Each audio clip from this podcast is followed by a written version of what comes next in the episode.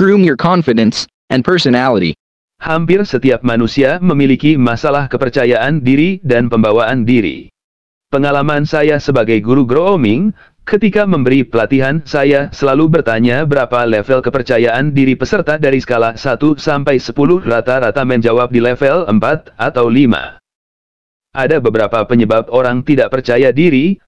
Satu keadaan ekonomi yang lemah. Dua kondisi fisik yang kurang memuaskan. 3. Masalah keluarga. 4. Tidak dapat menemukan kelebihan diri. 5. Lebih banyak dikritik daripada dipuji. Apakah Anda salah satu dari mereka yang tidak percaya diri karena alasan-alasan tersebut?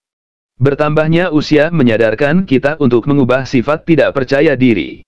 Tapi, apakah Anda mau berubah? Jika orang menaruh kepercayaan diri mereka pada tiga hal tersebut, dan ketiga hal itu hilang, kepercayaan diri mereka juga lenyap.